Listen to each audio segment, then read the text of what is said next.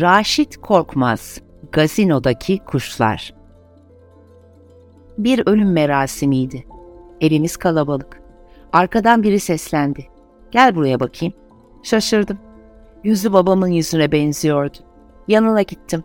Elini uzattı. Öpüp başıma koydum. Elini cebine attı. Bana bir yüz milyon toka etti. Çok sevindim. O güne değin hiç bu kadar büyük açlık almamıştım.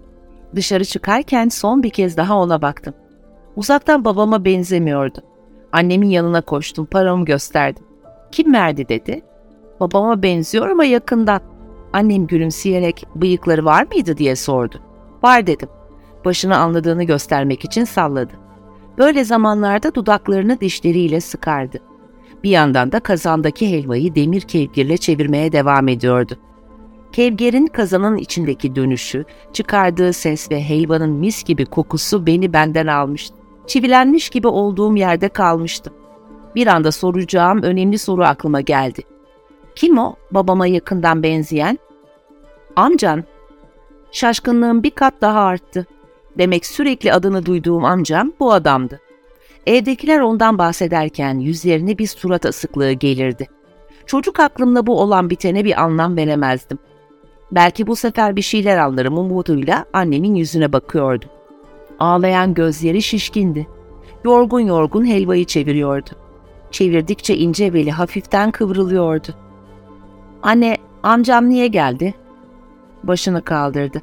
Yüzünde bir matemin burukluğundan başka bir şey yoktu. Gözlerini kaşıyarak, deden öldü ya, onun için geldi dedi. O zamanlar ölmenin ne demek olduğunu pek bilmiyordum. Adını duymuşluğum vardı ama o kadar kötü bir şey olduğunu düşünmüyordum. Evde bir kalabalık, curcuna. Yaştaşım çocuklar koşturuyor. Mis gibi helva, üzümlü pilav var. Amcam da gelmiş, bana yüz milyon vermiş. Daha ne olsun? İçimden iyi ki dedem ölmüş diyordum. O yaşlarda bir kodlama huyu edinmiştim. Bana yeni gelen her şeyi kodluyordum. Eh, amcam da yeni. Onu da kodlamam lazım. Amcamı ölen insanlar için gelen adam olarak kodladım. Aradan bir hafta geçti. Dedem ortalarda yoktu. Onu çok özlüyordum. Dedemi görürüm umuduyla onun sigara içtiği misafirliğe gidiyordum. Oraya amcam yerleşmişti. O da çok sigara içiyordu. Arada bir göz göze geliyorduk. Utanıp kaçıyordum. Evin hayatında, otlukta, merekte, köyün içinde, camide, sürekli gittiği Behçet'in bakkalında uzun bir süre hep dedemi aradım. Nafile. Zamanla umudum azalıyordu. Üzerine bıçak koyup uyumak olarak kodladığım ölümü artık ortadan kaybolmak olarak kodluyordum. Dedemden umudu kesince rotayı amcama yönelttim. Utangaç bakışmaları, tatlı konuşmalar, tatlı konuşmaları küçük boğuşmalar alınca aramızdaki samimiyet ilerledi. Artık ardından ayrılmaz olmuştum. Beraber at binmeler, derede yüzmeler, dombilide dolaşmalar. Yine arkadaşım çok sabırlıydı. Diğer büyüklere hiç benzemiyordu. Benimle birlikteyken eğleniyormuş taklidi yapmıyordu. O yaz su gibi akıp geçti. Okullar açıldığında ilk kez ayaklarım geri geri gidiyordu. Okuldan çıkar çıkmaz amcamın misafirliğinde soluğu alıyordum. Sanki araya bir virgül konmuş cümle gibi nerede kalmışsak oradan gırgır şamataya, boğuşmaya devam ediyorduk. Bir cuma akşamıydı, hiç unutmuyorum. İstiklal Marşı okunur okunmaz koşarak eve gelmiştim. Amcam ortalarda yoktu. Babam ninemle hararetli bir şeyler konuşuyordu. Konunun amcam olduğunu hemen anladım. Babamın hayırsız, işe yaramaz sözlerini amcamın adıyla birlikte andığını artık öğrenmiştim. Ninemin gözleri nemliydi. O da bir gün durulacak, merak etme diyordu. Beni görünce seslerinin tonu düştü. Ninem yerde bağdaş kurmuştu, beni kucağına aldı. Babam sandalyede oturuyordu. Kızgın olduğu zamanlarda sağ bacağını hızlı bir şekilde yerinde sektirirdi. Ağzıyla söyleyemediği küfürleri bacağıyla özgürce söylüyor gibiydi. Bunu da küfreden bacak olarak kodlamıştım. Bak şimdi benim bildiğim bütün küfürleri amcama sıralıyordu. Kendime yeni bir oyun bulmuştum. Bacaklar hareket ettikçe ben arkadan dublajla ona eşlik ediyordum. E tabii ki içimden.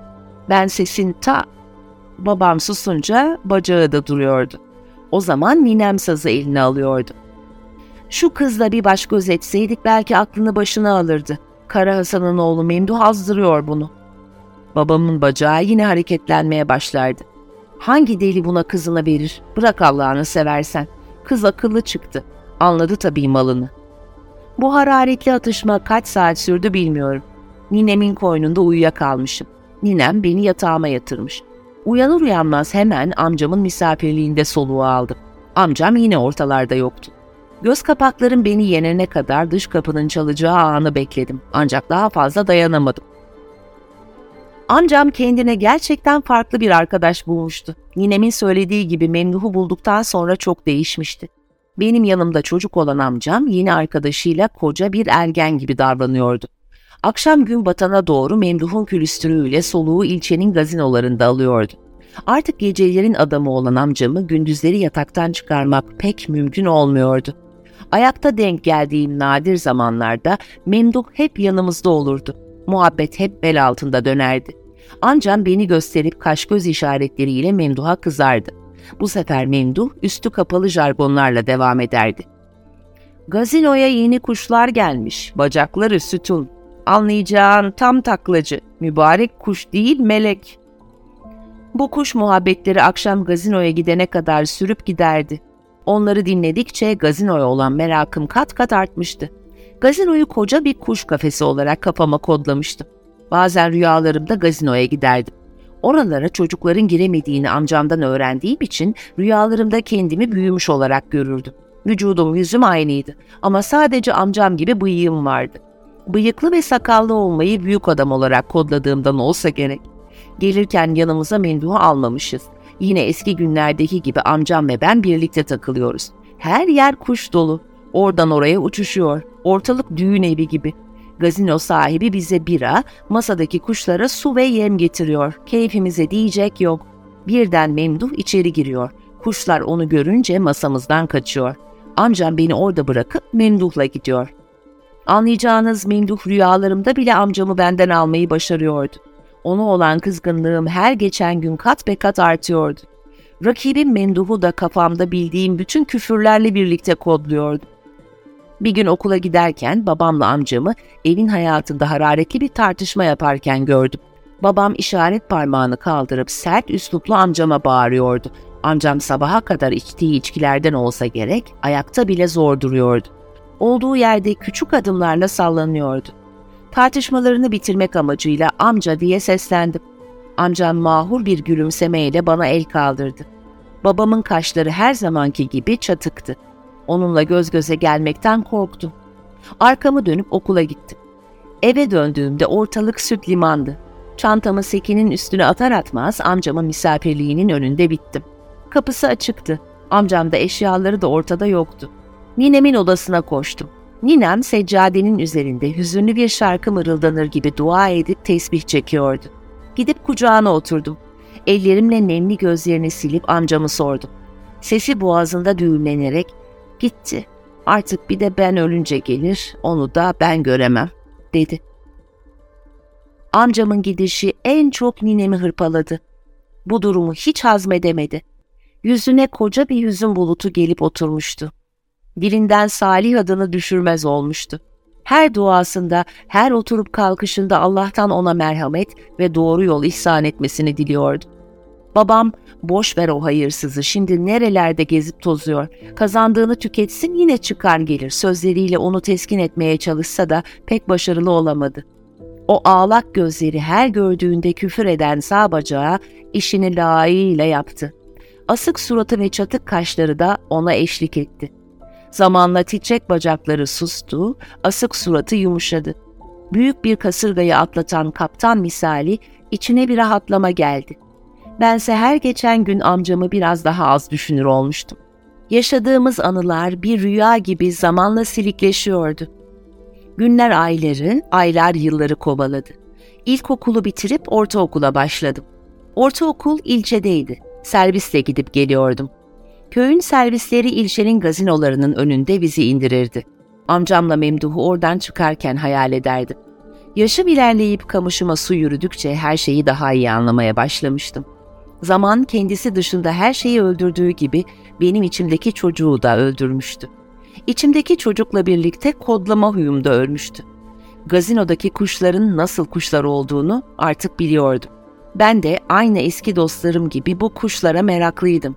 Ergenliğin azgınlığından olsa gerek o dönem onlardan başka hiçbir şeyi düşünmez olmuştum. Bu azgınlığım biraz gözümü korkutuyordu. Benim çok sevdiğim ancak benim dışında herkesin ayıpladığı, hor gördüğü amcama benzemek istemiyordum. Korktuğum için amcamı zihnimin karanlık dehlizlerinde hapsetmek istiyordum. Ayda yılda bir okuldan dönerken Memduh'un ilçeye giden külüstürüne rast geldiğim zamanlar dışında amcamı hiç aklıma getirmedim.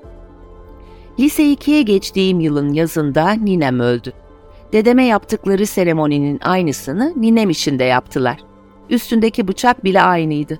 Ama bu sefer dedem için esirgediğim gözyaşlarımı ninemden esirgemedim. Bol bol ağladım. Ölenler için gelen amcam bu sefer ortalarda yoktu. Bütün eş, dost, akraba gibi ben de onu ayıpladım. O gün ninemle birlikte amcamı da kara toprağa yolladım. Liseyi bitirdikten sonra üniversiteyi okumak için hayırsız, kaçak amcamın yaşadığı metropol şehre gelmiştim. Bir yerden bir yere karınca gibi koşturan insanlar, bitmeyen trafik, hiç ölmeyen geceler. Burası tam amcama göre bir yerdi. Koca insan deryasında onunla birlikte yaşıyorduk ama birbirimizden habersizdik. Belki bir gün bir yerde rast gelmiştik. Bir minibüste bana para uzatmıştı ya da geçen gün kaldırımda çarpıştığım adam oydu. Ben de metropoldeki insanlara ayak uydurup kimsenin yüzüne bakmadığım için tanımamış olabilir miyim? Olabilir. Neden olmasın? O beni tabii ki tanıyamamıştır. Dombili'de dolaştırdığı çocuğun ben olduğumu nasıl anlayacak? Ama ben onu kesin tanırdım. Babamın bıyıklı haliydi sonuçta. Kara saçları ağarmıştır elbette. Sakalı da varsa ak düşmüştür ucuna. Gerçi bizimkisi gamsız adamdı. Bıraktığımız gibi duruyordur kim bilir.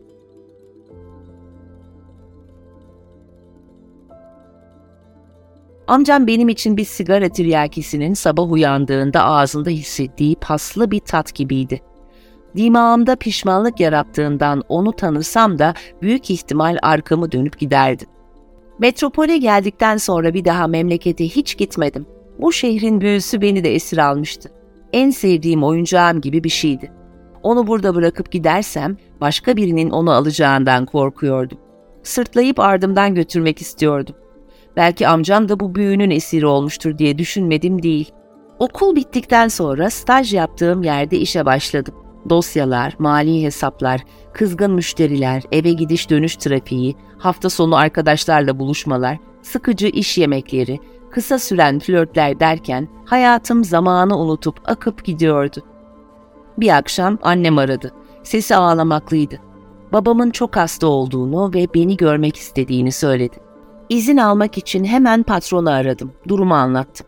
Biraz mırın kırın etse de sonunda izin verdi. Tüm gece gözüme uyku girmedi.